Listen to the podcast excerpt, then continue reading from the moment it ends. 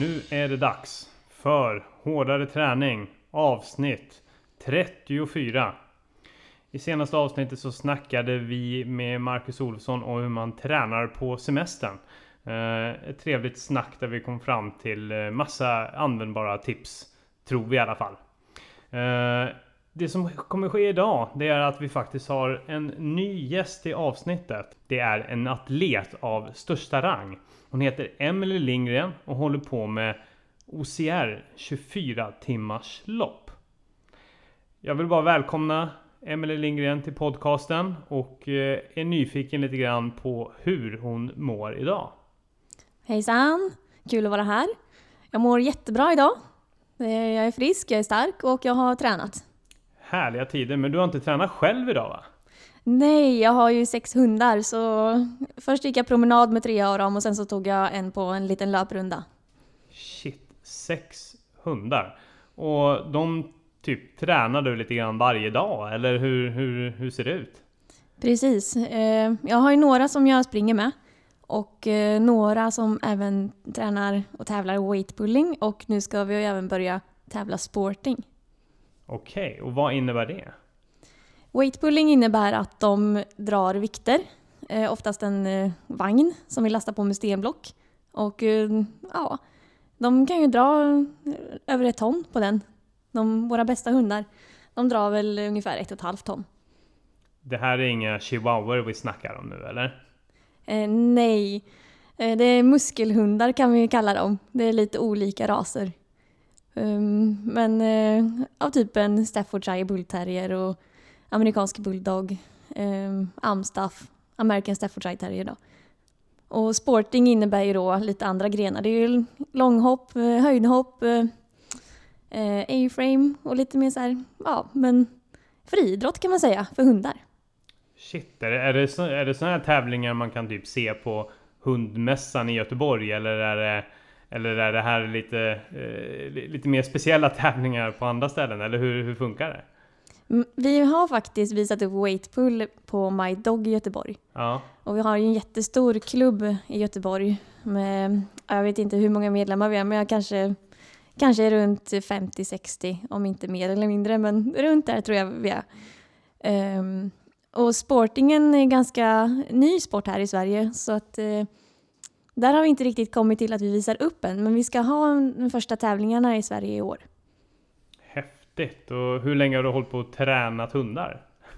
Eh, sen jag skaffade min första hund, eh, Nikita, hon eh, fyller ju nio i år. Så att sen hon var liten har jag hållit på att träna. Hur många timmar per dag? Det är sex, sex bjässar till hundar alltså. Hur, hur, hur, mycket, hur mycket tid i veckan skulle du uppskatta att bara deras träning tar? Oj, Oj, det har jag nog inte ens tänkt på, men eh, i snitt varje dag så kanske en till två timmar. Men då är det ju mycket promenader. Mm, häftigt. Men om vi återgår lite grann till din träning då. Vilket, ja, det, det är ju förstås alltså när du rastar dina hundar så förstår jag att du får mycket träning av det också. Men kan inte du berätta lite grann om eh, din idrottsbakgrund sen eh, tidigare? Vi säger 10-15 år tillbaka liksom, eh, och, och, hur den har lett till vart du är idag? Man kan väl säga lite att det började när jag var 15 år. Då flyttade jag till Kungsbacka och började jobba som eh, jockey eller arbetsryttare. Och eh, då red jag och tränade galopphästar hela dagarna. Och jag är ju ganska liten så att då var det ju liksom, man fick ju inte väga mer än 45 kilo. Så det var ju där jag fick hålla och träna hästar hela dagarna och sen för att hålla vikten då så fick jag gå ut och springa varje lunch. Så det var väl lite där det började kan man säga. Shit, men då men, ja, styrketränade du även på den tiden mycket också eller var det, då var det strikt liksom konditionsträning för att hålla vikten? Ja, styrketräningen blev ju på hästarna och stallarbete. Bära fodersäckar och hö och fylla vattenkar och de här hästarna var ju ganska starka också så att eh, det vart en bra träning när man red dem också. Ja shit, vad är, det, vad, är det man, vad är det man kan säga att man får för träning av att rida? Oj, mycket ben. Jag är väldigt stark i benen, speciellt låren. Eh, där, eh, ja, där slår jag ju de flesta killarna på gymmet, om vi räknar procentuellt. Eh, men också mage, rygg får man mycket. Eh, man står ju liksom i en ganska jobbig ställning när man rider galopphästar. Eh, så att, och sen även då, har man en stark häst så såklart armarna, för man får ju verkligen hålla i dem ibland när de blir lite heta. Ja men shit alltså okej, okay. så liksom det är ju liksom ben, mage, rygg och sen så eh, går du och släpar på tunga dunkar och fixar och rotar på det sättet liksom också. Så det, det låter ju liksom lite grann som att ridning är OCR-träning. Ja, det är ju verkligen helkroppsträning. Så jag, hade ju, jag fick ju en väldigt bra grundstyrka från början kan man säga. Och sen i skolan, jag älskade ju idrott så att eh, jag höll ju på med boxning och innebandy och allt möjligt. Eh, jag sprang mycket. Jag var aldrig bra på att orientera för att jag var för ivrig för att hinna med att läsa kartan. Men eh, jag vann oftast ändå bara för att jag var så envis och snabb. Så du kunde liksom springa fel men ändå komma först? Ja, det kunde jag. Ja. Och det vart några felvändor. Det blir det än idag. Du, jag kan känna igen det där. Jag var oduglig på orientering när jag gick i skolan också. Jag, jag kunde liksom inte koncentrera mig. För jag, jag, älskade att springa, det gjorde jag. Men det funkade liksom inte i det här att läsa en karta. Jag ville ju bara rusa genom skogen liksom. Jag har samma problem fortfarande. Det kan ju hända att jag börjar springa i Sisjön och hamnar utanför Kungsbacka. Min största tabbe. Det vart några, mil, det vart några mil fel kan man säga och då hade jag min hund Nikita med mig också. Hon var så där glad på mig när vi hade sprungit över tre mil. Uh, ja, det måste ju hårt arbete för hunden också så nu mm. så de blir gladare varje gång det blir lite kortare kanske. Ja, hon, eh, ja, hon blir snart nio då, så hon, eh, hon har varit med på de här riktigt långa rundorna. Hon var grymt duktig men hon har börjat tröttna lite på mig nu. Så hon eh, tycker en fem kilometer är lagom. Det är lagom. Då vill hon ju springa lös också, hon vill inte springa kopplad längre. Så vi kör under långt ut i skogen där hon får vara fri. Men hur, hur långt kan man då springa? Hur, det längsta långpasset med en hund då? Vad är, vad är det? Ja, det var där över tre mil när vi sprang fel. Det är väl det längsta man kanske ska utsätta en sån hund för. Men så, okej, okay, vi, vi har eh, hästridningen där, där du fick en eh, brutal grund för det du håller på med idag. När börjar du mer och mer jobba med det här, alltså mer riktat mot konditionsträning? När, när blev, blev hästarna åsidosatta och när kom liksom konditionsträningen och styrketräningen in i bilden? Med? Det var när jag slutade plugga. Eh, jag kom ju från Örebro och då flyttade jag till Göteborg för att jag fick jobb här i Varberg. Och eh, då hittade jag inte riktigt något nytt stall att rida i. Och då var det ju naturligt att jag började springa mer då. Och springa mer med hunden. Eh, för jag ville aktivera henne mer. Eh, så att... Eh, ehm, ja men det vart så här, vi ökade rundorna, det vart lite fler, lite längre. Och sen så var det då på jobbet en kille som frågade mig om lite så tider och så, hur vad jag sprang på. Och kanske jag gjorde på milen strax under 45 det är ju, ja, han bara, men och varför springer du inte mer eller varför tävlar du inte? Jag sprang ganska långt också, kunde ju springa en halvmara ganska lätt. Och jag hade inget bra svar på det här. Det var väl mer så här att, eh, nej men jag kommer aldrig bli bra på att springa. Jag tyckte inte att jag var bra nog. Men då sa han till mig att eh, de bästa maratonlöparna är ju lika små som jag är, för jag tänkte att min benlängd var det som hindrade mig. Men eh, då när han sa just det att den bästa maratonlöparen är kort tänkte jag men shit jag kanske har en chans. Exakt så jag brukar säga också. Jag är liksom i 1,71 och räknas som knatte jag med också. Men då tittade man på, jag tror det är Mo Farah som är typ 1,70 också liksom. Nej, så vi är korta, vi måste hålla ihop alltså. Det ja, säger jag bara. Vi måste det, vi får bara öka stegfrekvensen. Ja. Men då, bör, då, då, då liksom fick du för dig, ja men jag kanske skulle testa att tävla lite grann och sådär. När, när kom liksom vän, vändningen när liksom, ja men det är det här jag vill hålla på med. Eller liksom jag älskar att tävla. När kom, när kom det då? Ja men då, då signade jag upp mig för att springa mitt första maraton. Så då började jag träna till det då. Och eh, mitt första maraton så vann jag i min åldersklass. Och då var jag lite så här, ja men jag kanske är ganska bra på det här. Alltså mitt första maraton, eh, känslan efteråt det var ju helt fruktansvärt. Jag hade ont överallt. Jag kunde ju knappt duscha efteråt. Jag hade så ont och skavsår och det sved på alla möjliga ställen. Men eh, man glömmer fort bort det där. Och sen så signade jag upp mig till nästa maraton och så blir det bara lite enklare hela tiden. Och så gick det väldigt bra. Vilket var det första maratonet som du sprang? Vad sa du att det hette? Karlskrona. Karlskrona maraton. Ett litet maraton, man springer fyra varv på samma bana. Ja, härligt. Gillar du sånt? så här varvbanor och sånt där? Ja, jag, jag har ju inga problem alls med det. Jag Nej. sprang ju nyligen, i december sprang jag 24 timmar så det var ju inomhus på en 360 meter lång bana. Ja, jag såg det blogginlägget och det är ju fascinerande. Jag har ju någon, jag har inte gjort det än, men jag har ju någonstans lockas av att springa runt i en ring. Det är, man triggas ju av att det kanske är lite tråkigt också. Och att det liksom, det är bara en själv och det, det är liksom inte, du, du, du gör det inte för att du ska upptäcka naturen eller för att se massa fantastiska vyer, utan det är bara du och bara grisa ner sig. Ja, man ska bara slå sitt personbästa helt Ja, enkelt. det är det allting handlar om. Men ja. eh, de loppen är ju väldigt sociala. Ja. Om man vill vara social. Jag hade ju sällskap nästan hela tiden på det loppet och vi pratade ju nästan hela tiden då. Ibland så vi, när man hade sina dippar, då sprang vi bara tyst bredvid varandra. Men om du vill prata med någon så finns det alltid någon att prata med på en sån liten bana med ganska många människor ändå som ställer upp i de här galenskaperna. Ja, ultralöpare är ju ganska, de är ju överlag ganska pratiga av sig. Det har jag känt också när jag kört, eh, mitt, eh, körde ultratrippen. Jag hade ju sällskap liksom i flera mil av en och samma person kunde det vara liksom som jag hade träffat förut. Det blir ju lite så. Det är, det är liksom och folk, man älskar att prata om uh, ultralöpning också med andra ultralöpare. Liksom. Det, är, det är en, en eh, liten men härlig klubb. Som man kan säga. Det är det. Och alla har ju så många olika teorier och idéer om träning och det är jätteroligt att diskutera. För inget är ju fel. Det är ju bara, man får ju bara testa sig fram lite. När, när upptäckte du att maraton var för korta? Um, åh, jag vet faktiskt inte riktigt, men eh, det kanske var för drygt två år sedan. Då, var, då började ju Mara kännas ändå okej att springa. Och då tänkte jag, men jag kanske ska prova lite längre. Så då testade jag att springa sex timmars. Och det var nog två år sedan i Skövde. Ganska så exakt. Um, och den gick ju också bra. Då hade jag också fruktansvärt ont i kroppen efteråt, men det var ändå den här goa känslan att jag gjorde det. Nu har jag sprungit jättelångt. Det hör ju till, men det ska ju göra ont annars så hade man bara blivit besviken. Jag kommer ihåg jag sprang Göteborgsvarvet i år. Eh, Kom in på en, eh, ja men jag kom in på en väldigt bra tid men jag hade inte ont någonstans och jag typ kunde andas normalt direkt efter målgång. Då blev jag besviken. Det är liksom, så är det ju. Då är det bara att ta ett varv till. Ja, lite så. Jag kände nästan så, nästan så. Men istället blev det öl och fest och det var ganska bra det också. Ja, det är faktiskt en bra avslutning. Ja, absolut, absolut.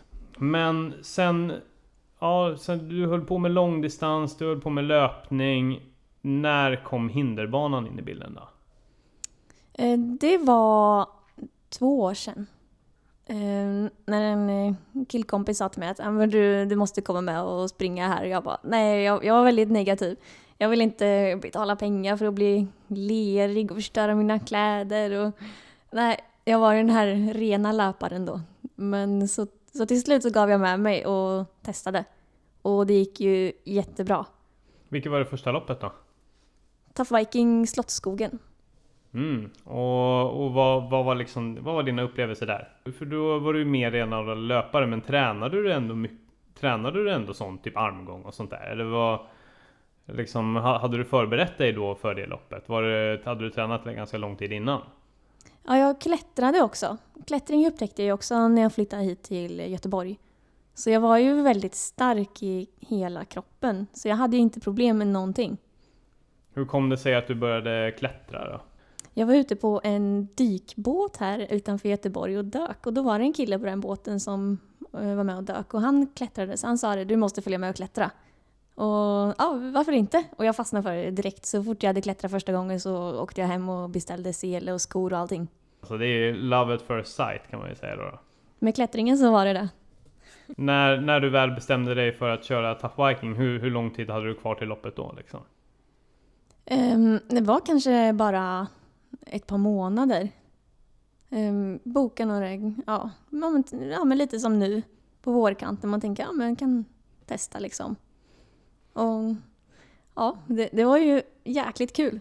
Ja, eh, och förändrade du någonting i träningen de där sista två månaderna? Eller gjorde du som vanligt? Du sprang och klättrade typ? Eller åkte du liksom runt på några hinderbanor då? Eller vad, vad gjorde du för? Gjorde du någon specifik träning då?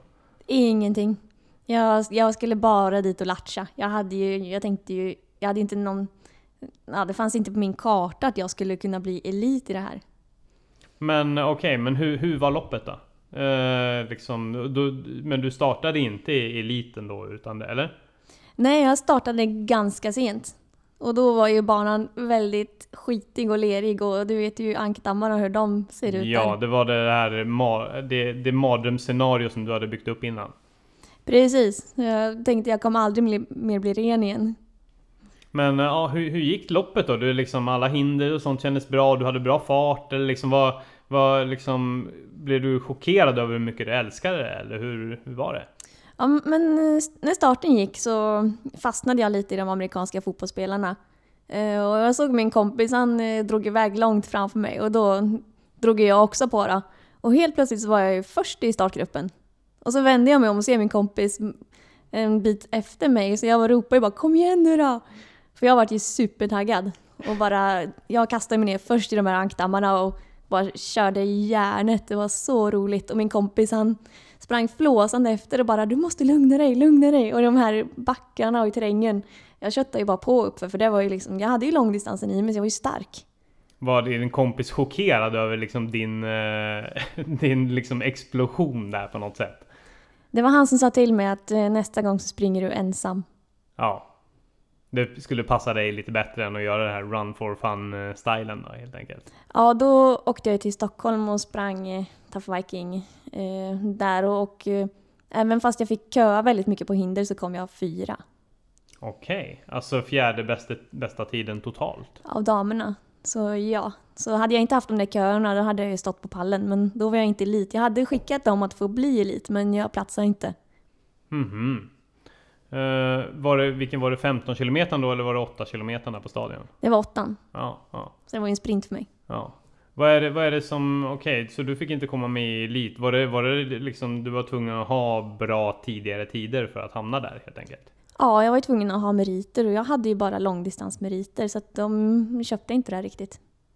Nej, men eh, de lär ha gjort det efter din fjärde plats kanske kan man tänka sig. Ja, då kom jag in direkt. Så ja. sen fick jag starta elit. Ja. Så sen stod jag ju på pallen. Ehm, jag tror det var Oslo efter den, men då kom jag fyra. Jag är inte så bra på backar.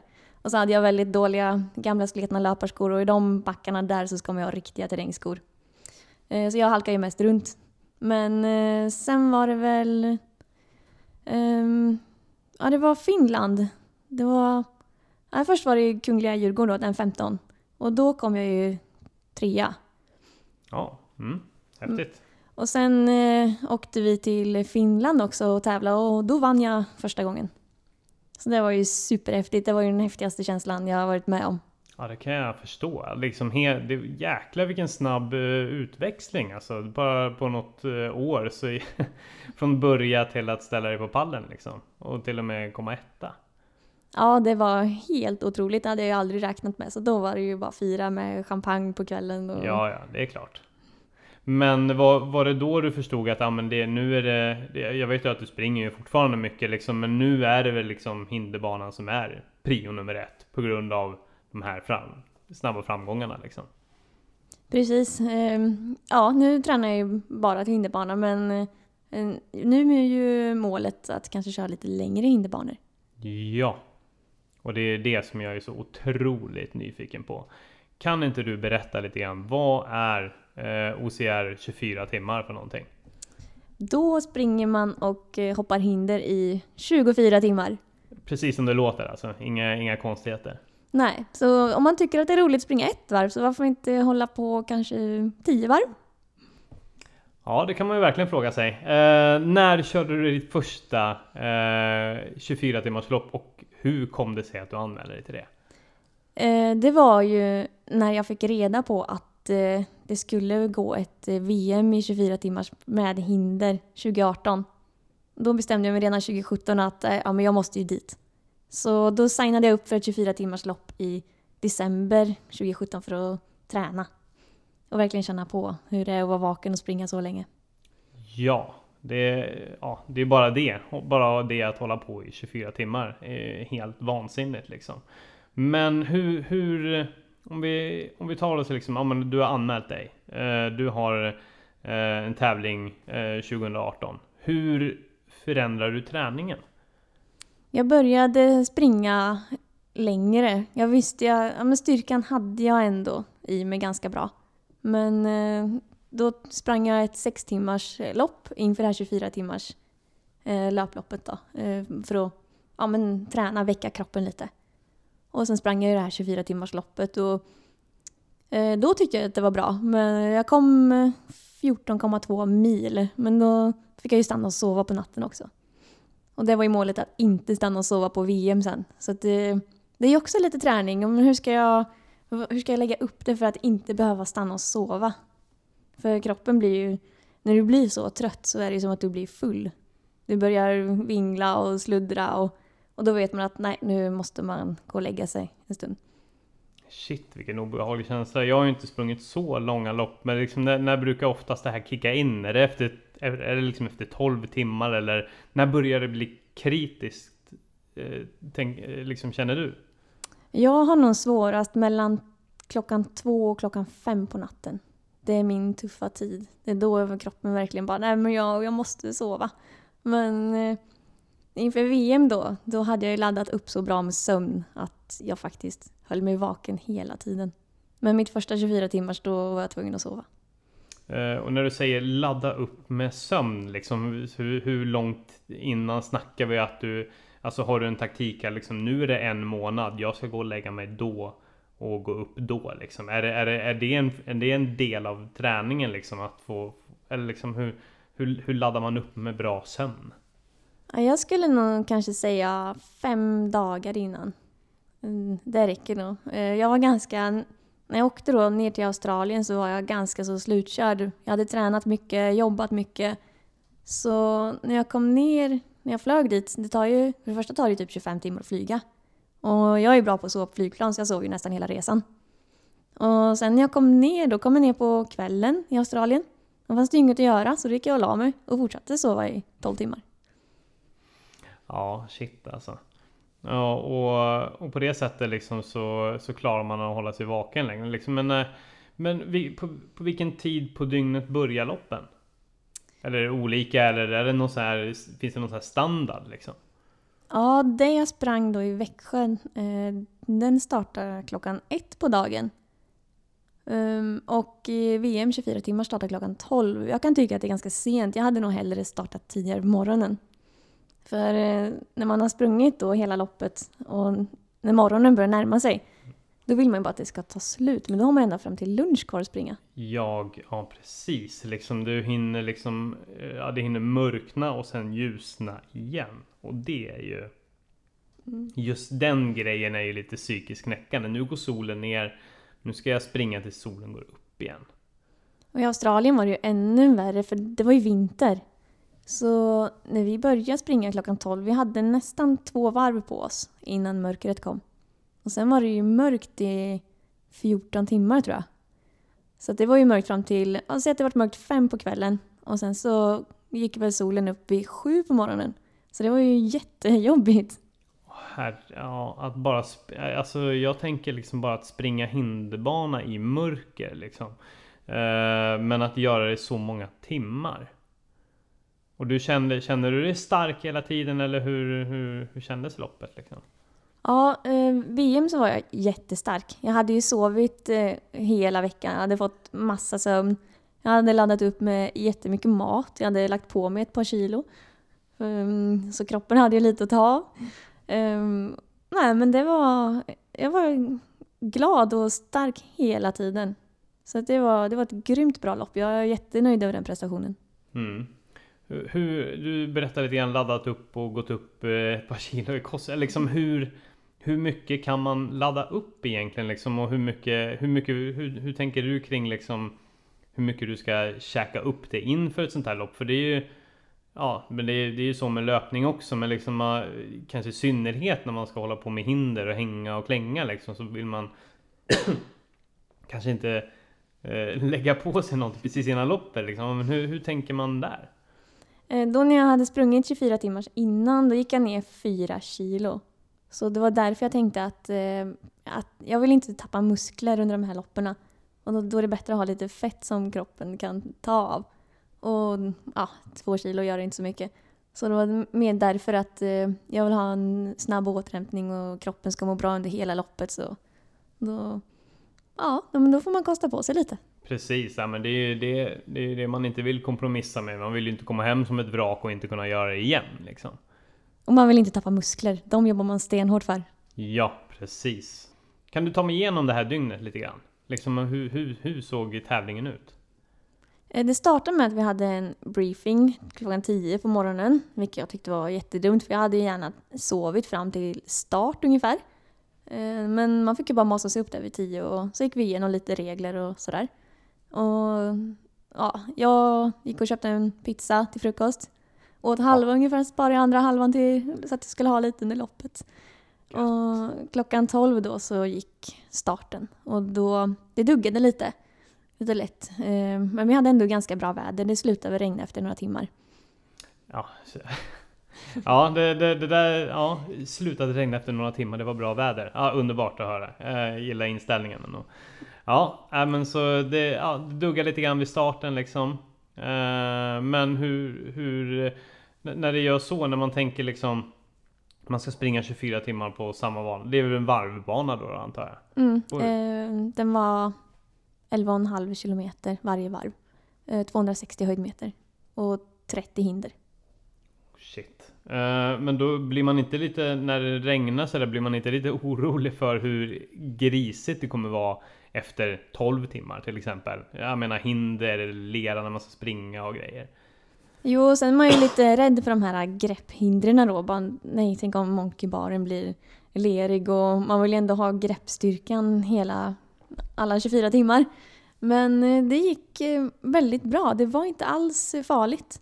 Eh, och det värsta var ju för mig nästan backarna. För jag hade ju mest sprungit platt. Och jag sprang ju då 10 varv, så det vart ju ändå 2600 höjdmeter. Det är ju otroligt mycket. Uh, hur, hur, lång, hur lång var banan sa du? 11,5 kilometer och 30 hinder. Ja. Så tar det en gånger 10 så har ni det jag ja, klara på under 24 timmar. Jag är usel på huvudräkning men hur många kilometer blir det ungefär totalt? Eh, 11,5 mil, 300 hinder och 2600 höjdmeter. Det är ju svårt att greppa just eh, och att man gör det medan hinder. Det är ju, det är ju rent sagt sjukt tufft bara utan hinder. Och då är jag lite nyfiken på vad, vad händer med fingrarna under det här dygnet? Det gick så himla bra. Jag hade inte ens en enda blåsa eller valk på händerna utan mina händer klarade sig superbra. Men eh, jag använde... Jag försökte, varje hinder så försökte jag ta mig igenom det så mjukt som möjligt. Och det är inte som när man springer de här korta Toughest och de här, då är det bara att kötta sig igenom. Men nu liksom var man lite mer försiktig och ja, man gjorde hindren väldigt mjukt. Kan du beskriva hur man tar sig igenom ett hinder mjukt? ja men eh, om man har eh, över och under hinder, ja men då i vanliga fall så slänger du ju bara över och sen kastar du dig under. Nu var det mer så här, ja men jag glider över lite fint. Jag kryper under lite mjukt och fint här. Och det var ju ett hinder som gjorde väldigt ont på slutet. Det var ju en väldigt hög vägg. Jag tror den var närmare tre meter. Och problemet var ju inte att ta sig upp. Det jobbiga var ju att ta sig ner. Ja, för det, det är ju det här vanliga liksom när man har sprungit väldigt långt så är det ju jävligt oskönt att springa ner i nedförsbackar också. Mm. Är det ungefär den grejen att liksom benen är stumma och, liksom, och så ska man landa varje gång liksom? Ja, man har ju på slutet så har man ju ont i hela kroppen. Det är som att man har feber överallt. Och då när man ska hoppa ner från den här, det går ju som en blixt genom hela kroppen när man landar. Den går ju fort över men ja, det var ändå obehagligt. Och vi säger liksom när du är inne på den där 16 timman och det gör ont i hela kroppen. Gillar du den känslan då? Liksom, går, triggas du av liksom den här jävla smärtan som ligger på dig hela tiden? Jag vart ju så jäkla taggad de sista timmarna. Jag låg ju på fjärde plats och jag var ju bara fast besluten på att jag ska upp på pallen. Så att jag, det var de sista fem, sex timmarna då slet ju jag allt jag orkade. Um, för att uh, ta mig lite högre upp. Och det var jäkligt tungt för kroppen. Då fick jag ju trycka i mig gels och sånt för då hade ju kroppen slutat svara på mat. Vanlig, riktig mat. Ehm, då fick jag ju bara bita ihop och köra men man stänger liksom av lite, man känner inte smärta. Det, du ska bara framåt, det är det enda du har.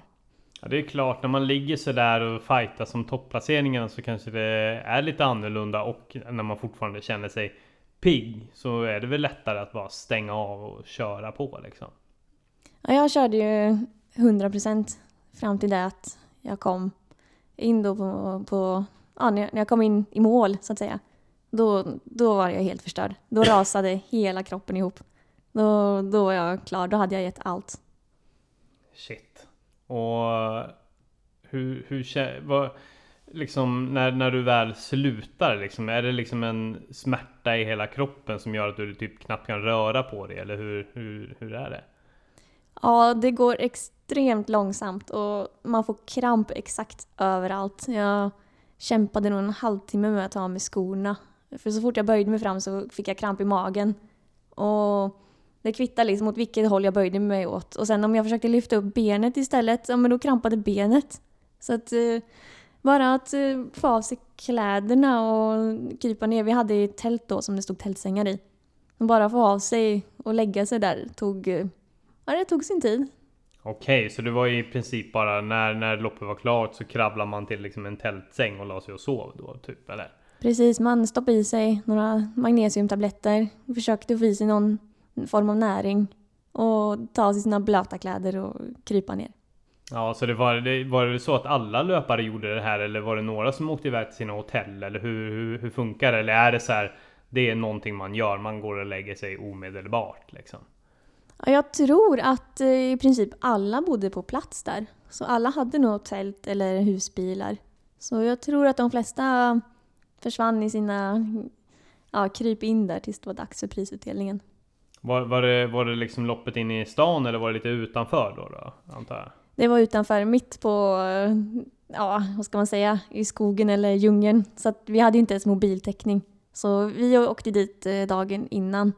Och jag, kunde inte, jag fick inte tag i någon. Jag kunde inte ens skicka ett sms och säga liksom hur det var eller hur det gick. Och, så ja, vi var verkligen off. Shit, hur kommer det sig att det var så ute på vischan då? Ja, det var ju, det var ju bra location. Banan var ju jättebra. Jag tyckte det var en jätterolig bana. Det är fint och um, ja, men härlig natur. Hur många är det som eh, ställer upp på sånt här lopp? Hur många medtävlande hade du? Ja, vi var nog... Eh, I elitklassen var vi inte så många. Mm, av damerna så kanske vi var tio stycken. Herrarna var ju fler. Men sen var det alla åldersklasser också så vi var väl i alla fall ett par hundra eller 300 kanske. Det är så många som eh, ändå hakar på det här nu. Är, är det, skulle du säga att det är liksom har det växt mycket den senaste tiden? Är, för det, det är först ganska nyligen som jag har hört talas om det här egentligen. Ja, det är ju fortfarande väldigt nytt och jag tror många är rädda för de här distanserna. Eh, vilket jag kan förstå. Eh, mina OCR-vänner, de är ju rädda för distansen. Och mina ultravänner, de är rädda för hindren. Så det är ju den här mixen av de här två världarna som gör att det är inte är många som upptäckt den. Nej precis, men jag tror till exempel ja, jag, jag, jag vill absolut springa 24 timmars. Men jag känner ju liksom att när jag eh, går och kör, eh, ja men sticker till revolt i Alingsås eller jag kör, äh, klättrar. Ja men det, det håller ungefär i 45 minuter och sen så är eh, armarna körda liksom. Det är lite grann det jag tänker liksom Framförallt, jag är inte jätterädd för löpningen. men Jag är rädd för att liksom Ja men hur, jag menar, jag är ju helt slutkörd efter att ha kört ett eh, Tough Viking eller liknande liksom. Armarna, det är bara jag kan inte lyfta dem liksom. Så jag menar, och då undrar jag framförallt hur, hur förbereder du dig på liksom att dina armar ska hålla i 24 timmar? Ehm, man kan ju förbereda sig på lite olika sätt. Ehm, när jag har de här långa loppen så löpningen så förbereder jag ju med att eh, om jag kan ju ta en hel lördag eller hel söndag och jag kan sticka ut och springa två timmar, sen går jag in och vilar en halvtimme, timme. Sen sticker jag ut igen två timmar och så håller jag på så hela dagen. Men nu när man ska köra OCR också, ja, men då kan man ju göra lite annat när man springer. Ja, men klättra över någonting, bär på någonting, ta med recbagen och lägg den någonstans och mm, ja, kör någon liten runda och sen så gör man lite hinder varje runda. Man, mm, det behöver inte vara avancerade hinder, naturhinder räcker gott och väl. Ja, precis. Eh, jag tänkte förlika in med en fråga från eh, Marcus Olofsson här faktiskt. Han, i senaste avsnittet så berättade jag för honom att eh, du skulle komma på besök och spela in ett avsnitt. Och då hade han faktiskt en liten fråga just angående det här. Eh, han undrade hur du lägger upp den hinderspecifika träningen. Löpningen är ju ganska klar. Men de kommer ju att köra något pass som eh, men kommer du köra något pass som där du till, till exempel blockar in typ klättring med löpning till gym till hinderbana för att slakta armarna liksom så att du liksom ja, kombinerar alla de där hoppar mellan helt enkelt de olika eh, sektionerna. Men springer dit, gör det, springer dit och sådär liksom. Eller hur, hur funkar det? Egentligen inte faktiskt. Ehm, inför VM nu 2019 då kommer jag köra lite längre lopp för att få distansen i benen, väcka dem lite och förbereda kroppen på att eh, nu kommer vi göra något jävligt jobbigt här. Men hindermässigt, ehm, jag tränar ju mycket styrka, jag vet ju att jag är stark. Ehm, och jag klättrar ju mycket. Då kanske det är mer så att eh, jag kanske kör lite längre klätterpass. Jag kan hålla på i ja, men fyra eller sex timmar och ja, kroppen funkar, den, den fortsätter svara. Jag kanske inte klättrar så svårt på slutet men um, jag klättrar ju ja, ganska svårt ändå uh, hela tiden. Men, ja, men jag har vant min kropp under så lång tid att uh, ja, men intervallträning um, man gör ja, men som löpning och klättring. Du klättrar ett par leder och så vilar du lite så klättrar du ett par leder till. Mm, precis. Eh, du sa det här att du kanske inte klättrar så hårt på slutet. Jag, alltså, det, det jag känner när jag är och klättrar, då, alltså det, det finns liksom ingen tanke bakom det utan jag klättrar lite grann och så misslyckas jag och sen så upp igen och så bara blir det hets och till slut så är man bara helt körd. Tänker du lite mer metodiskt att nu, det här är ett klätterpass som ska vara lite längre. Jag, jag tar lite vila mellan varje så att jag kan hålla på längre liksom. Eller tänker du metodiskt på det sättet? Ja, jag kan ju klättra slut på mig på en timme utan problem. Men eh, om jag ska hålla på och verkligen bygga upp eh, uthålligheten på klättring, då kanske jag, ja men säg att mitt max ligger på 7A och 7B. Då kanske jag klättrar en 6B eller 6C, då kanske jag kör den tre gånger. Och sen kanske jag vilar lite och sen kör jag tre gånger till. Så att det blir klätterintervaller. Och sen på slutet när man verkligen har pumpat ur armarna, eller man har riktig pump, då kanske jag går ner på 6A, 5C och fortsätter. Det då undrar jag liksom, tror du att även de som inte håller på med 24 timmars hinderbana skulle ha mer eh, skulle det, vara skulle det kanske vara rimligt att de anammar det här lite grann också? Även de som ska köra eh, 8 timmars hinderbana, eller 8 kilometers hinderbana till exempel. Att de, att de jobbar lite grann på att försöka få till lite längre pass. Ja absolut, eh, kör lite intervaller. Alltså alla träningar behöver inte vara så jävla jobbiga utan man kan liksom, man kan softa lite. Hålla på lite längre. Du kan ta en kaffe emellan eller ja, men fika lite emellan.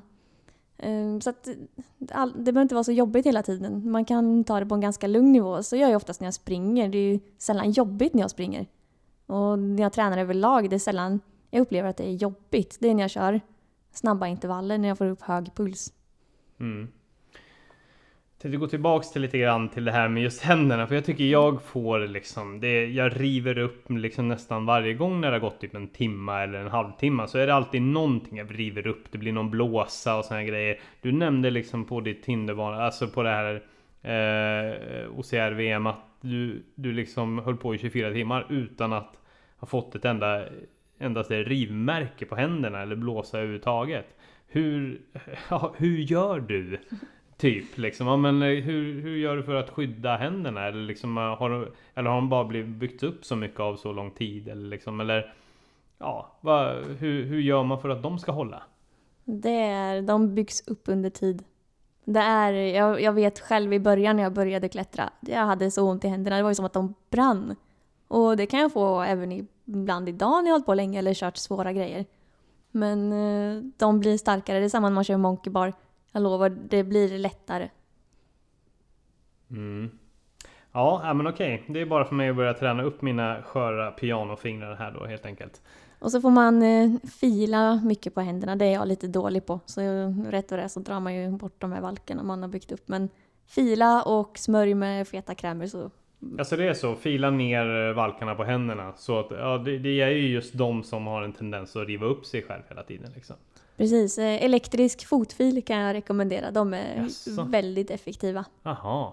Och men, men ska man, ska man fila bort dem helt liksom? Eller liksom finns det en behållning att ha lite valkar? Eller hur, hur tänker du där? Ju mjukare huden är desto bättre. Så att eh, fila bort det hårda. Det ska inte vara så att du går ner till köttet utan eh, du ska ändå ha lite mjukt och fint skinn kvar. Och sen, ja, jag brukar ha en fet salva bredvid sängen och sen varje kväll så smörjer jag in händerna ordentligt så att de är riktigt feta och återfuktade under natten.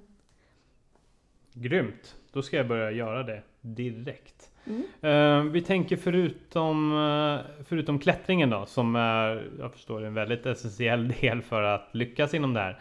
Hur ser eh, kanske lite mer eh, hinderbanespecifik träning eh, ut? Var, vart, vart hänger du mest förutom klättringen och typ ute i skogen när du är ute och springer? En dag i veckan så tränar jag på gym också. Men det är bara en dag. Då kör jag ju ja, men styrka, kanske lite spänst och ja, men blanda lite där också. De tycker väl antagligen att vi är galna när vi är på gymmet för vi kör ju så här farmers walk och sånt.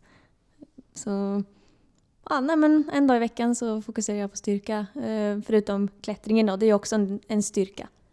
Är det, när du är på gymmet, är det mer tungt då? Eller, är det- eller är det väldigt så här, ja det är hänga och klänga, det är farmers walk. Är det väldigt hinderbanespecifik träning då också? Eller maxar du marklyft och såna här grejer också? Eller hur, hur ser det ut? Jag maxar sällan, men jag har väldigt tung belastning. Och det är ju marklyft, knäböj, pull-ups, dips, allting med extra vikt. Så då använder jag ju mycket vikt. Eh, Annars så tränar jag ju nästan bara med kroppsvikten. Mm. Ja, ja, men det är my- mycket, mycket att eh, lära här känner jag. Eh, och då undrar jag lite grann hur... eh, När är nästa eh, 24 timmars OCR? Undrar jag. Det är VM i Australien 2019, den 9 juni. Och det är då jag siktar på. Jag kom ju fyra 2018. Och nu i efterhand är jag nöjd, men just då var jag jättebesviken.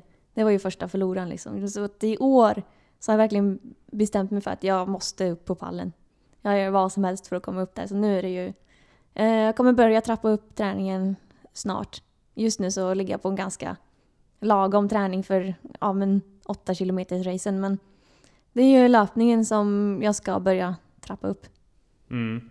Hur, eh, hur ser träningen ut inför eh, VM i år kontra förra året? Har du gjort några stora förändringar eller hur ser det ut?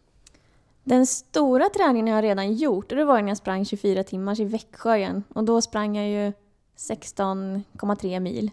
Och då har jag ju det med mig att jag kommer inte komma upp i den distansen på 24 timmars med hinder. Eh, då får jag bli jäkligt snabb. Men då, men då, jag har det i mig att jag har distansen. Så jag måste bara springa på så mycket jag kan. Och ja men bara liksom klara hindren mjukt och fint och sen ja, springa på. Och jag gjorde ju några misstag förra året. Då var jag hade ju för dåliga pannlampor. Så, Jaha, okej. Så, du, okej, så det, det var lite svårt att se där under kvällen då med andra ord? Ja, jag fick ju spara på batterierna så att på de partier jag kunde fick jag ju släcka lampan och verkligen bara ha den där jag behövde den. Jag tror att du kommer tjäna otroligt mycket på en riktigt nice pannlampa alltså. Ja, jag ska ha med minst två najsiga pannlampor tänkte jag. Och ehm, ja, och sen eh, nu kan jag lite mer också ehm, hur min kropp fungerar, vad jag ska äta. Så jag kommer ju lägga upp eh, kosten eh, lite annorlunda. Har du, är det, är du, har du redan nu ett tydligt kostschema liksom som du följer inför det här? Eller liksom hur, hur tänker du kring, kring sånt liksom?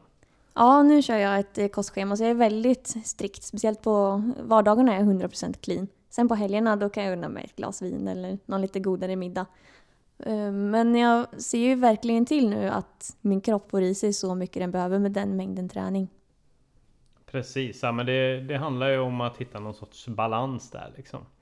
Men du sa att förra året du, du åt liksom mat, un, riktig mat under loppet liksom. Är inte det jag upplever liksom när jag är ute och springer de här, rikt, de här riktigt långa loppen liksom att det enda jag vill egentligen ha det är att pressa i mig en gel och sen fortsätta liksom. Hur, hur du, men du, du, kan liksom, du kan nästan äta liksom, eh, du, du äter vanliga liksom maträtter som du har tagit med typ i matlådor eller hur liksom, hur funkar det? Ja, men jag försöker köpa med så att jag har med mig näringsrik mat och mat som jag tycker är gott. Gelsen det är min sista utväg när kroppen matvägrar. Så jag försöker verkligen få i mig så mycket näring jag bara kan. Och jag tränar ju också med mat i magen. För det är ju ett sätt att bygga upp eh, bindväven, ja, vävnaden i magen så att den liksom orkar springa med mat. Så innan jag går ut på en löppass då kan jag ja, ta fyra knäckemackor. Och, och, och sen bara ut genom dörren? Ja, precis. Jaha.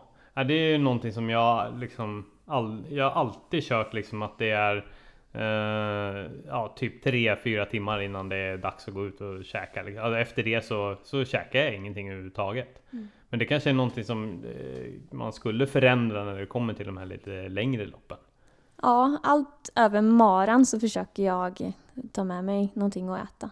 Ja. Men upp till en mara så kan jag klara mig på bara vätska. Men sen behöver man faktiskt lära kroppen att äta. Som den 24 timmars nu sist jag sprang då, min kropp klarade sig jättebra. Jag, var ju, jag hade kunnat springa ännu mer. Mm. Och, men det fick du inte? Nej, det fick jag inte. När den där 24 timmars klockan ringde, då var det bara att stanna. Fan också. Mm, ja. Men, det, men du, nästa steg blir väl typ sex dagar och sånt där? Då? Jag, jag, just nu säger jag att nej, 24 timmar räcker. Men jag vet ju också att jag har sagt det förr. Så att eh, det är ju inte omöjligt att man springer 48 timmar eller något när man kommer upp och blir så galen.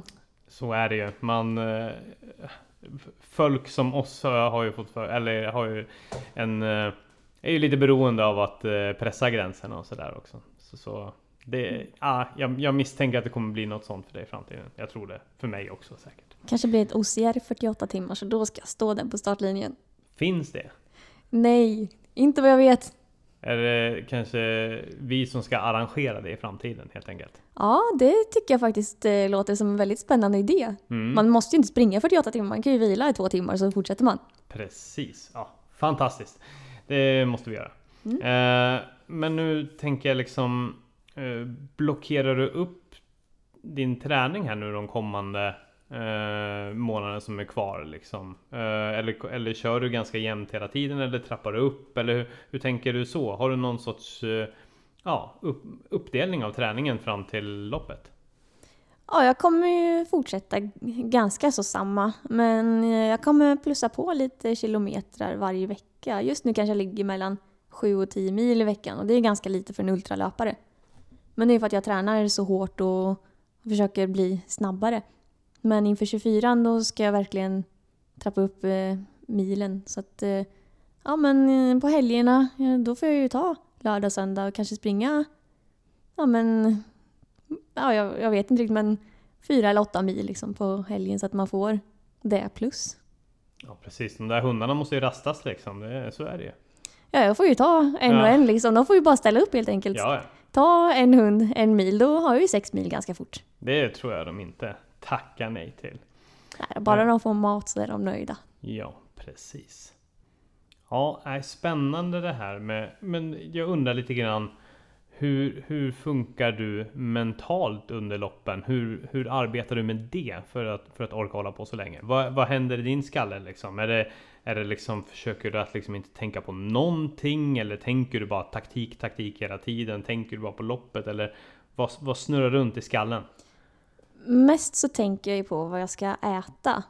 Det är, det är huvudfokus. För att det är det viktigaste under så här långa lopp, att få i dig näring så att kroppen orkar. För när du slutar äta, det är då du börjar förstöra kroppen. Så ja, nej men det är nog mitt största fokus. Jag köper med liksom massa gott att käka. Jag gillar ju kakor och nötter och sådär. Så då försöker jag tänka ut om man ska ta nästa matpaus då. Som nu när jag sprang 24 timmar, då tog jag ju matpaus var 20-30 minut. Och då, då är det lite där man funderar på under de här minuterna emellan bara, ja, ska jag ta nästa, nästa stopp då? Det är ju faktiskt eh, bland de ljuvligaste grejerna med ultralöpning. Det är att det finns så jävla mycket gött längs med vägen. Som när jag sprang en Sancho Backa Ultratrippel. De hade liksom bakat kladdkakor och grejer liksom. Så du, och det är jäkligt mentalt triggande. Det är ju skillnaden mellan vi säger att man springer ett maraton. Då finns ju inte det. Utan då är det ju bara ett krig. Ja. Lite så. Då är det gels som gäller där för att orka de sista milen. Ja, och då, då det, det blir ju inte... Ja, det, jag, gillar, jag gillar ju liksom hårda eh, lopp upp till maraton också. Liksom 10 km, 21 km och maraton. Liksom. Men det är inte den här härliga, eh, lite mysiga stämningen som ändå Ultra har. Ja, då är det ju mycket fokus på maten just och saltgurka är ju det bästa jag vet när jag springer i lopp. För det är ju, ja, men det är ju salt och vätska man får i sig och lakrits. Det är bra grejer. Det är gött. Nej, la- lakrits kan jag i och för sig inte hålla med om. Men saltgurka, där, där kan jag skriva om. Jag, jag tycker om typ nappar och tuttifrutti tycker jag är nice. Ja, vinegum och sånt brukar det Ja, finnas också. det är gott. Ja. Och för att hålla mig vaken på de här 24 timmars då brukar jag ju sluta med kaffe och koffein några veckor innan så att jag rensar kroppen. Ah, ja. Känner du att du har fått en tydlig effekt av att göra så? Ja, men det fick jag eh, verkligen då i Australien förra året. Då fick jag ju ta koffeintabletter på natten.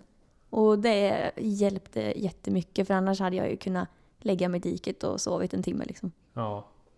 Ja precis, ja, men det måste väl vara så att ju, för, för koffein är väl så här att ju, ju, ju längre man dricker desto mer högre dos kräver man och till slut så liksom kommer man till en nivå där man inte kan det är liksom kroppen liksom reagerar inte på det för att det, du får i dig för lite. Mm. Ja men precis, och det är ju min lilla superkraft då på natten när jag blir så där jäkla trött. För då, ja, men det blir, jag tror det är lite psykiskt också. Då vet man att om jag tar lite koffein så blir jag pigg. Mm, mm. Tänker du lite så inför typ eh, ett maraton också? Eller, eller hoppar du helt över det då? Nej, då, då behöver jag ingen extra boost. Då är det bara, det är bara att köra. Det är bara eh, gälls in och tuta och köra för fulla muggar. Ja, det är bara att springa så fort du orkar. Ja. Nej, underbart att höra. Men du, jag hade tänkt att eh, fråga dig lite grann. Eh, dina favoritövningar när det kommer till träning. Förutom eh, vi, klättring, klättring är klättring. Eh, men liksom vi snackar eh, gymmet eller hinderbanan eller vad som helst. Liksom, vad, de, de, liksom, de fem eh, övningarna som du diggar absolut mest och som du känner att de är ovärderliga i din eh, träningsbok. Med vikt eller utan, tänker du? Både och. Ja, ehm, Du, du, kan, du kan liksom få ta fem övningar med vikt och fem övningar utan vikt. Eller så bara tar du fem övningar och bara kombinerar ihop som du vill. Det är ja. fritt. Ordet är fritt. ja nej, men jag gillar ju jag gillar att arbeta med kroppsvikt. Så jag gillar ju pull-ups väldigt mycket för att du orkar inte göra så många förrän du blir trött och inte orkar dra upp dig mer.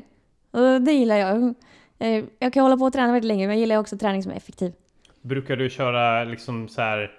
Nu ska jag göra eh, 100 pull-ups och så bara eh, på kortast tid möjliga liksom. Eller, eller hur, hur tränar du där liksom?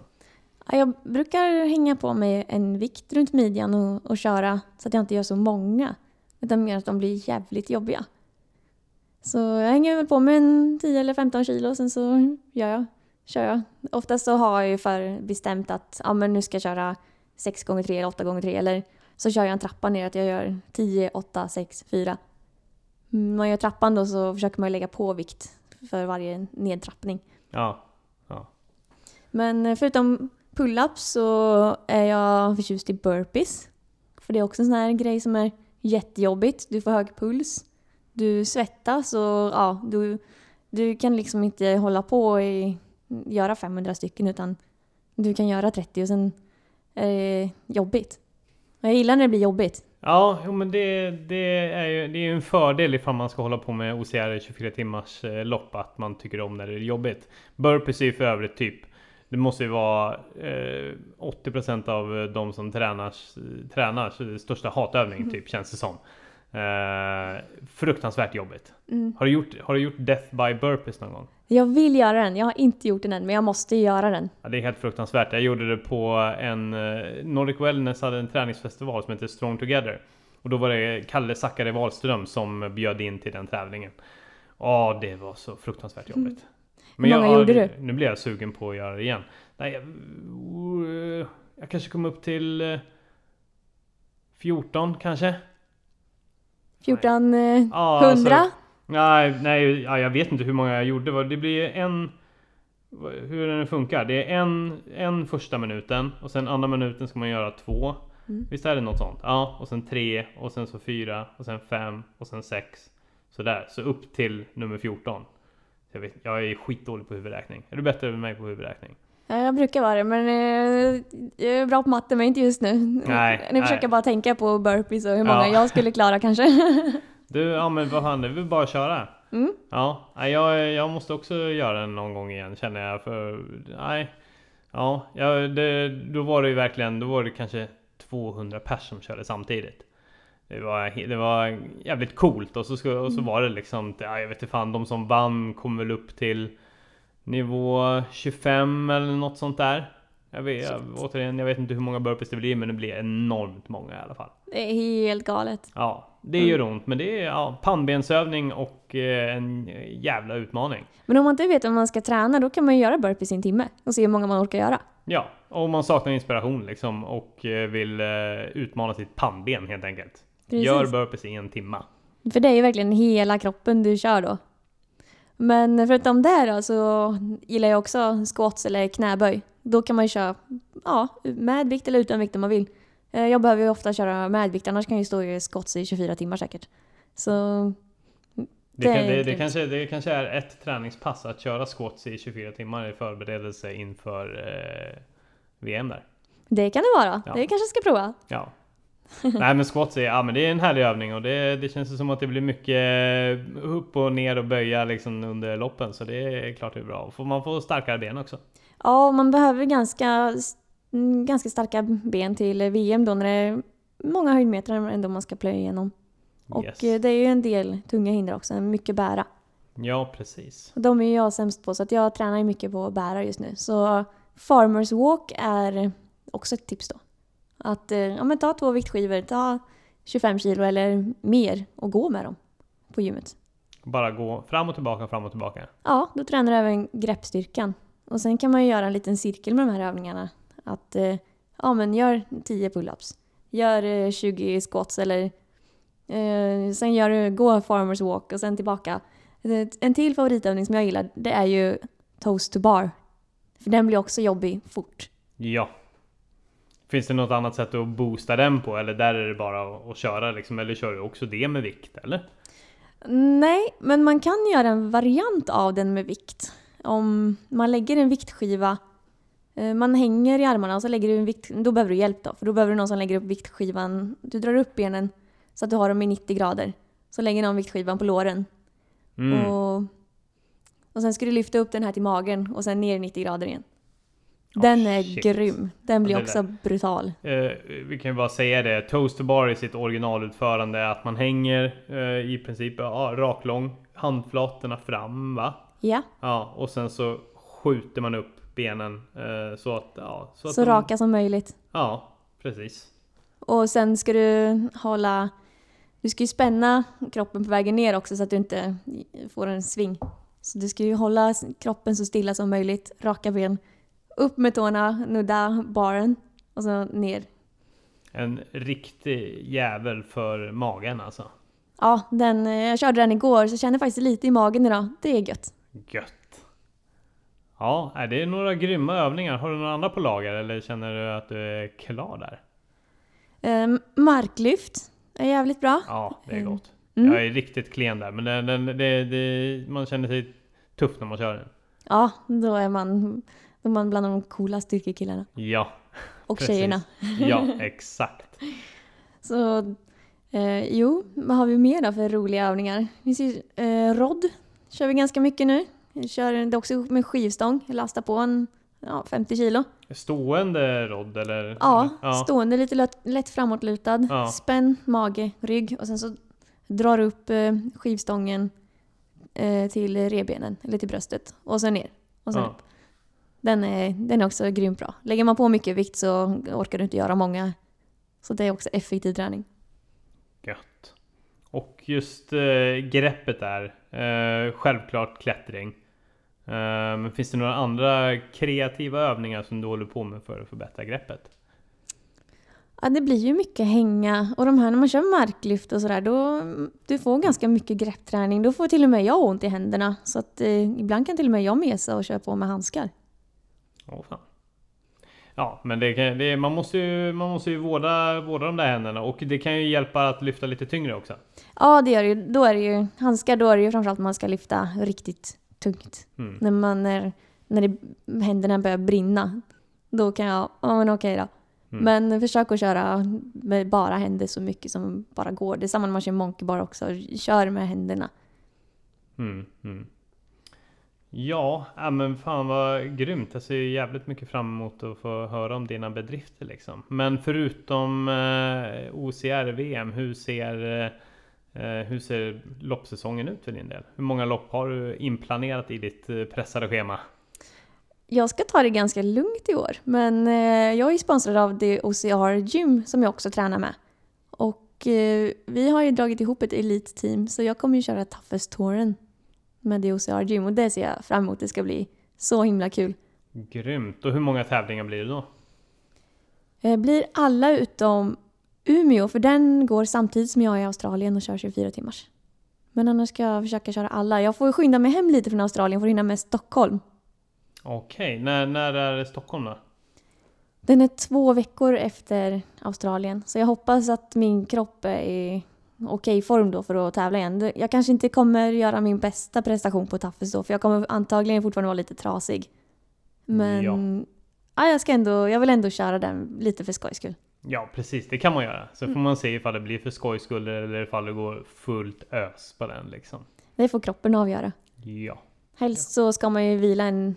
Jag tycker att man ska vila en månad efter ett 24 timmars. Det är ungefär det, jag behöver. Men efter ja, senaste nu när jag skötte mig så bra med näringsintag så då tog det en vecka så var jag ute och tränade igen. Precis, ja, men det är ju verkligen eh, tillföra energi före, under. Eh, liksom, och kanske gå till en överdrift när det kommer till sådana här långa lopp. Och det, då kommer man tillbaka så mycket snabbare. Mm. Det gör man. Det, jag hade ju kunnat träna nästan dagen efter sist. Men jag fick såna brutala blåsor på fötterna så att eh, mina fötter fick vila en vecka. Men min kropp, eh, den, den mådde faktiskt väldigt bra. Mm.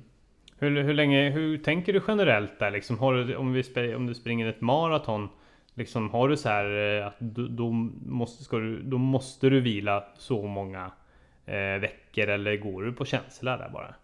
Nej, ett maraton, då, då är jag nog ute dagen efter och springer några kilometer bara för att ja, men, ja, få, få igång kroppen lite, bli lite mjuk och fin igen. Ja. Nej precis. Men det, det, det är nog bra att gå på känslan och att inte sluta röra sig helt och hållet för då stelnar man till också. Ja, det gör man. Så det är viktigt med stretch och lite lugnare träning efter sådana långa prövningar. Ja precis. Och då undrar jag Vad ser du mest fram emot under eh, eh, VM? Eh, 24 timmars. Vil- Vilka hinder? Vad är liksom, eller liksom, ja, det kan vara vilka hinder ser du mest fram emot? Eller liksom eh, den här delen av loppen ser jag mest fram emot? Eller liksom att träffa likasinnade liksom. Vad, vad är det liksom de största förväntningarna som du har på loppet? Eh, jag ser nog nästan mest fram emot ja, men ringarna, monkeybaren. Eh, konstigt nog så ser jag fram emot backarna. Jag hatar ju backträning, men ja, ja men jag gillar backarna ändå där. Det, det är en god känsla när man går upp för och ner för och man är i Australien, mitt i vildmarken. Det går liksom kor runt om och betar. Har du tur så kanske det kommer en känguru. Jag hade inte tur eh, förra året och såg en känguru, men jag hoppas kanske en dyker upp i år. Eh, fråga, är det, är det just OCR-VM? Är det i Sydney varje år eller hur ser det ut? Eller i Australien menar jag? Nej, de brukar ju köra två år på samma ställe. Ah, Okej. Så nästa år kommer de ju byta. Och då får vi se vart det hamnar och om jag ska köra det då också. Men Någonting säger mig att du kommer stå på, på startlinjen till det loppet också. det kommer jag. Ja, jag kommer nog inte kunna ge mig. Det, min kropp kommer bara säga det kör vi. Ja. Ja, nej, otroligt spännande och jättekul att jag har fått eh, eh, lära mig lite grann och få träda in i din OCR 24 timmars värld. Eh, och det jag, jag säger liksom det är, alla de här träningstipsen och sånt där, det vi har snackat om idag, det kommer, kan man ju bara rakt av egentligen applicera på Även ifall man ska köra sitt liksom, första hinderbanelopp eller ifall man tränar specifikt liksom elitsatsar på eh, eh, Ja men sikta på Tough Viking 15 km eller eh, Taffestoren eller vad som helst. Så liksom många av de här grejerna kan man nog bara anamma på det för att bli mer uthålliga så att man inte i slutet av även de kortare loppen bara står helt handfallen och sliten liksom. Utan så att man verkligen orkar hela vägen in i mål. Precis, och idag finns det så många bra utomhusgym, vilket jag gillar. De ploppar ju upp överallt nu. Precis. Och då kan man ju verkligen köra intervaller. Kanske, ja men häng lite, kör lite pull-ups och kör lite sit-ups. Gör lite grejer som du tycker är jobbigt. Och så springer du ett varv. Och sen kör du lite jobbiga grejer igen och bara, ja men ha det lite gött också. Det, du behöver inte ligga på din maxpuls utan du kan, ja men håll på en timme i ganska god fart. Allt måste inte vara så jäkla jobbigt. Nej precis, för det är, det är väl ändå ganska vanligt att man separerar liksom eh, Många som tränar inför sitt eh, hinderbanelopp, de kanske kör eh, intervaller separat och sen så när det är hinderbaneträning, ja men då kör de bara teknik. Mm. En jättebra grej är ju att kombinera de två. Mm, latcha lite, ha lite kul. Ja, och, få, och kanske också liksom ha det, kanske kortare pass här, ja men 30 minuter det är fullblåst intervaller. Men även ha de här liksom, ja men jag ska jogga och jogga ganska lugnt, sen tar jag några hinder, sen joggar jag för att hålla på lite längre. Mm. Det kan jag varmt rekommendera. Ja. Träning ska vara roligt. Det är då man eh, gör det till en vana. Ja, och det är då man till slut går så långt att man springer OCR 24 timmars lopp. Just det, då, då vet man, då har du stark kropp. Ja. Emelie, tack så jättemycket för att du ville vara här och, och gästa podden. Stort tack för att jag fick komma. Ja, nu är det bara och eh, Vart kan man följa din resa någonstans? Jag har en blogg, ocrempa.com. Där eh, försöker jag vara lite aktiv. Eh, mm. Just nu har jag väldigt mycket jobb och träning så att, eh, jag är lite slarvig men Skriv gärna en kommentar så jag vet att eh, ni finns där ute så då lovar jag att jag kommer börja blogga mer. Och sen finns jag även på Instagram. Där är jag mer aktiv. Eh, och där heter jag Osiarempa. Följ henne, följ hennes resa. Det ska i alla fall jag göra och, eh, och varför inte? Signa upp på ett 24 timmars lopp. Det kanske jag gör. Kanske inte, kanske inte riktigt än, men kanske lite längre fram. Du kanske följer med till Australien? Eller nästa år, vart det är nästa år? Ja. Vart det går. Jag ska undersöka alla möjligheter och eh, träna grepp och eh, långdistans som en dåre så ska vi nog se att någon gång ska jag nog ställa mig på startlinjen där. Och sen styr vi ett 48 timmars. Ja, det gör vi. 48 timmars OCR-lopp. Ni vet vad ni hör när det först. Tack, ja. ja. tack så mycket eh, för det här avsnittet så eh, hörs vi och syns vi. Hej då! Hej då!